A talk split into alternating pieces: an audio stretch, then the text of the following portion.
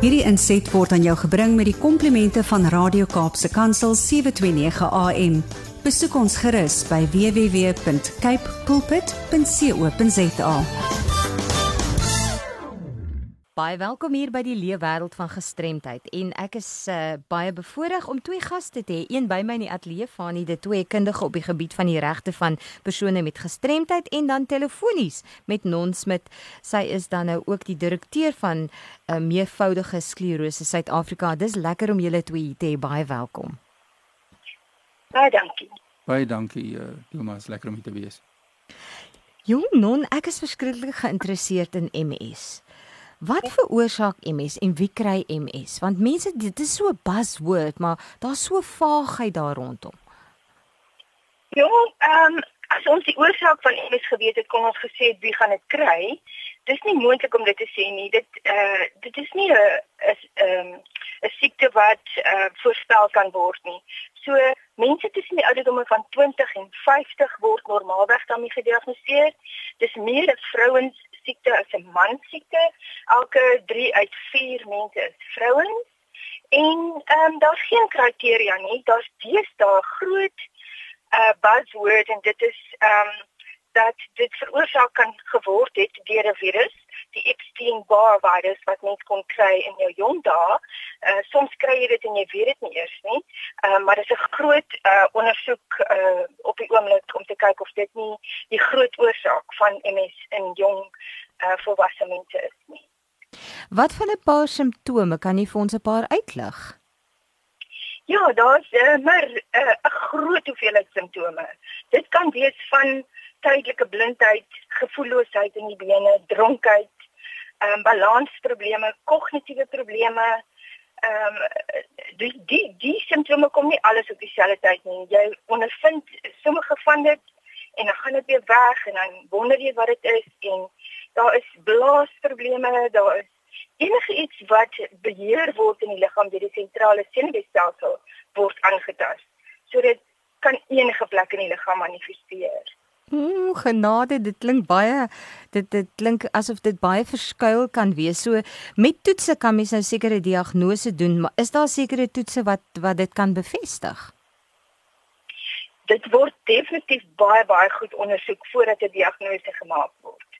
'n Neuroloog stel nie sommer net op 'n uh, halfgewaste toetsie sê uh, jy het MS nie. Hulle mag dit vermoed en met 'n vermoede word dat dan meer toetse gedoen.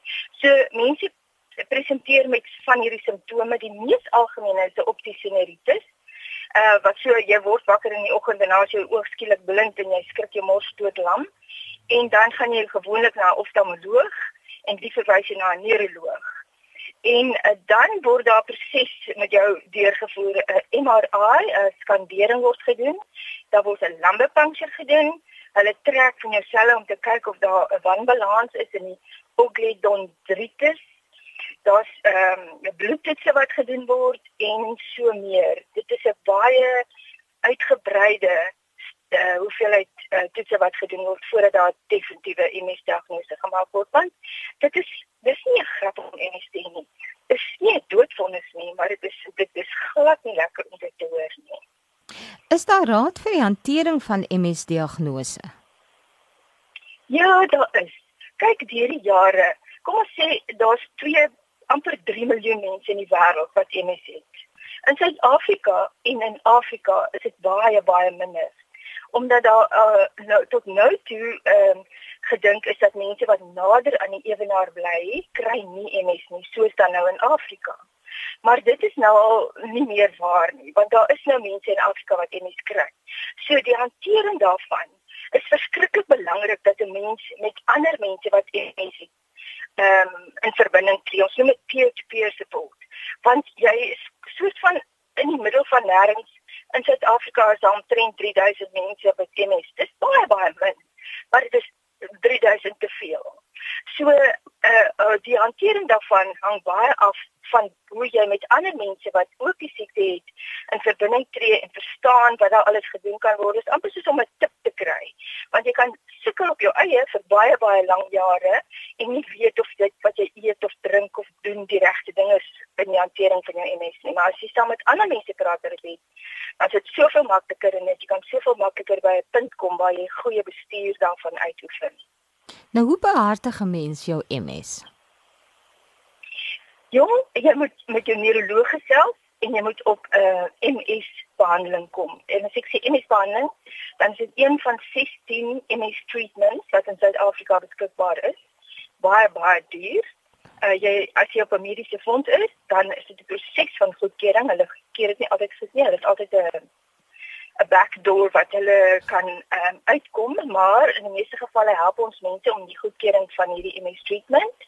En as jy nie op 'n mediese fonds is nie, dan moet jy na 'n staatshospitaal toe gaan en dan is daar nie MS treatment beskikbaar nie. Dan behandel hulle net die simptome.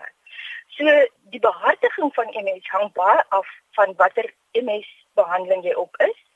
En dan om daarbey te hou met 'n goeie dieet, 'n gesonde leefstyl. As ek sê goeie dieet, is nie something special nie. Dis net 'n eenvoudige gesonde leefstyl. Mense wat MS het, ondervind soms dat sekere kossoorte hulle nie goed laat voel nie. So dis maar net 'n baie 'n uh, eh, goeie manier van eliminasie en eet drink dit wat vir jou beter is.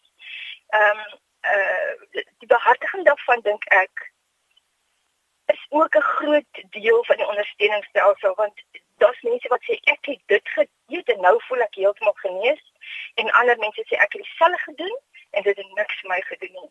So kom in aanraking met ons en dan help ons jou met die behartiging van jou MS.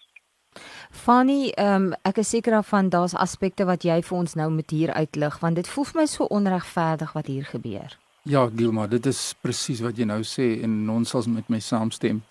Die mens wat daardie toestand het of siekte is nie 'n gestremdheid nie, maar dit lei tot verskillende forme van gestremthede onder andere neurologiese gestremdheid. En jy het menseregte. Ja. En weet jy wat baie interessant is en ek dink wat belangrik is ons hier perspektief moet hê op sedert uh, 2015 is die die verlies die impairment van uh, neurologies eers ingebring in die vorige jare in non kan daar kommentaar lewer of sy saamstem maar dit is is mense met 'n neurologiese gestremdheid soos MS is geklassifiseer onder mental impairment, mental disabilities. Nou jy en ek weet wat beteken mental impairment en disability. Dit is verstandelike gestremdheid. Nou hoe kan 'n mens nou iemand indeel met 'n neurologiese gestremdheid soos wat Nono vir ons verduidelik het as 'n verstandelike gestremdheid? Non, ek weet nie of jy 'n kommentaar daarop wil he, lewer nie, maar dit is baie belangrik om perspektief te gee dat hierdie mense, Gilma, het ook die reg tot gelyke toegang tot mediese dienste en mag nie teen gediskrimineer word nie. Jou kommentaar Non op vinnig daarop. Ja, ongelooflik belangrik wat jy sê Fanny en ek stem heeltemal saam. Dit is so dat mense met MS in vroeë jare gedink is hulle mense sou vir jou gevra het so wanneer gaan dit jou kop aantas. So hulle het gedink dis dis dis omdat die mense liggaam gestremd raak en hulle beland in 'n rolstoel, is die ou uitkyk op die lewe is o, fooi tog nou kan hulle nie hoor of dink nie. Sure. En uh, ja, jy weet nou jy, jy praat mos nou met die ander persoon, nie met die een wat in die rolstoel is nie. So dit is regtig 'n aspek wat aangespreek moet word. En uh MS spesifiek is ehm um, ek sê dit altyd en ek weet nie uh, jy weet dit is so dis 'n groep mense wat 'n spesifieke profiel het in my opinie. Dis 'n intelligente deursnit van mense wat eenvoudig 'n ongelooflike moeilike lewe lei omdat daar nie erkenning is vir die feit dat hulle liggaam gestremd raak maar hulle verstandelikheid is eenvoudig nog net daar waar hulle is dokters, professors, standaards, hulle selfs neuroloë en so voort. En gewone mense sonder sulke uh, maar dis 'n hoogs intelligente groep mense wat MS het. Ek hou daarby. Nou, die hantering, uh, hoe kry ons hulp om dit te hanteer? Uh dit is in Suid-Afrika moeilik om tyd te spandeer saam met jou neuroloog om hierdie vragies te vra. So dit is dit is nogal 'n uh, obstakel. 'n Mens moet in jou GP verstaan nie altyd van MS nie omdat die bewusmaking van MS is so 'n moeilike ding is in Suid-Afrika. So die die hantering van hierdie siekte is weer eens soveel makliker as jy in aanraking kom met ander mense wat dieselfde probleme het as jy. So ek sê altyd kom in aanraking met ons. Ons sit jou in 'n proses van ehm um, uh goedkeuring. Dit ons is baie streng, dis baie veilig en uh jy sluit aan en dan word jy ingedeel by 'n groepie in jou area in Suid-Afrika. Dwars deur Suid-Afrika het ons WhatsApp groepies wat mense help met die hantering van hulle siekte. Daaglikse goed en soos resources en om vir mense te help uh om om uh terapeute te vind soos ehm um, uh fisio's en ehm um, occupational therapists. Hoekom is dit nou so vandag die ehm um, wat is occupational therapist en biokineticiste en so aan? Uh die hantering daarvan daai mense het jy nodig in jou lewe. Maar jy weet nie altyd waar een te vind nie. So ons is hier nommer 1 ehm um, plek waar jy aanklop en sê ehm um, ek bly nou hier, dit is nou my situasie. Uh hoe kan julle my verder help met verwys? Ek is baie bly om te hoor dat julle daar so sterk steun het. Fani, ehm um, jy wil iets bygevoeg het? Ja, dinge woordjie opgekom van mense wat daardeur geraak word. En jy weet, weer eens het 'n het 'n menseregte perspektief. Dis die wetskrif is baie duidelik oor peer support en dit gaan oor portuïergroep en portuïergroep ondersteuning en dit is waar non hulle inkom wat 'n fantastiese platform is. So so lekker om te luister na jou non om te weet dat mense as mense wat daai toestand gediagnoseer is meer dan kan hulle gaan 'n bietjie praat met ander mense en met kundiges maar ook ander mense wat regstreeks daardeur geraak is. So dis vir my fantasties wat julle doen non.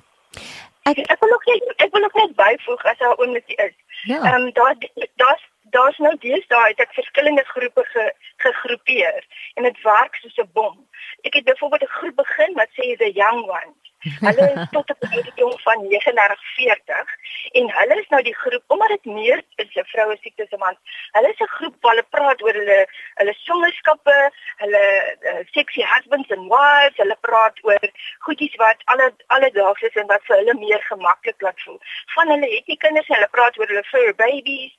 Dit is 'n fantastiese groep en hulle doen baie baie goed met mekaar. En dit het gesien daar's behoefte uh aan groepies vir mense wat op dieselfde medikasie is. Want elkeen van hierdie baie baie goeie medikasies vir MS, maar dit is ook baie gevaarlike medikasies. Dit moet gemonitor word en so en so. So dit het gesien daar's 'n behoefte om groepies te vorm vir mense wat op dieselfde uh medikasie is. En dit is so lekker want nou sê een ouens, ek het nou wakker geword vanoggend met dit en dit en dit en ek weet nie is dit nou dit en dan sê die ander, weet jy, ek het dit dis baie goeie ondersteuningsstelsels daar en dit werk ook baie baie goed. En dan in die an, die die ander aspek van hierdie hele ding is dat al hierdie mense van wie ek nou praat, ken mekaar. So uh, omdat hulle almal in groepe is wat uh, op 'n stadium saam praat. Dit is eintlik 'n emosionele unbelievable mens kry trane in jou oë en mense sê kan nie ophou dankie sê vir die feit dat daar hierdie groepe is waar hulle kan uh, hulle voel tuis en hulle voel hulle word gehoor and people I speak to really really get it. Ek is so bly dat ons hieroor kan gesels en uh, dat ons ook mense na julle toe kan verwys. Hoe doen ons dit? Wel, ons het 'n webwerf, uh, ons webtuiste www.multiplesclerosis.co.za en daarop is al ons kontakbesonderhede baie baie maklik om te kry en ehm um, ook uh, die telefoonnommer 082 55 05486 is 'n WhatsApp nommer. So as jy 'n WhatsApp stuur na daai nommer, dan sal jy een of ander tyd 'n antwoord kry en gehelp word met die proses van insluiting. Baie dankie. Dit was lekker om met julle twee te gesels. Fanie, baie dankie. Ja, baie dankie. Ek leer elke dag. Ek het soveel jare al in die goeie wêreld van gestremde, 36 jaar, maar mens leer altyd. So dankie Non vir hierdie inligting. En Non, dankie Bye. vir jou tyd. Dit was regtig waar kosbaar om bietjie te kon gesels en te weet ons kan mense help. My groot droom en my groot gebed is net dat ons inklusiewe behandeling vir almal sal kan hê um, ja. in die nabye toekoms. So baie Ja, dit is ons daarvoor. Baie Lekker dag vir jou. Totsiens. Baie dankie julle. Totsiens. Bye non. Totsiens Fani. Totsiens. Hierdie inset was aan jou gebring met die komplimente van Radio Kaapse Kansel 729 AM. Besoek ons gerus by www.cape pulpit.co.za.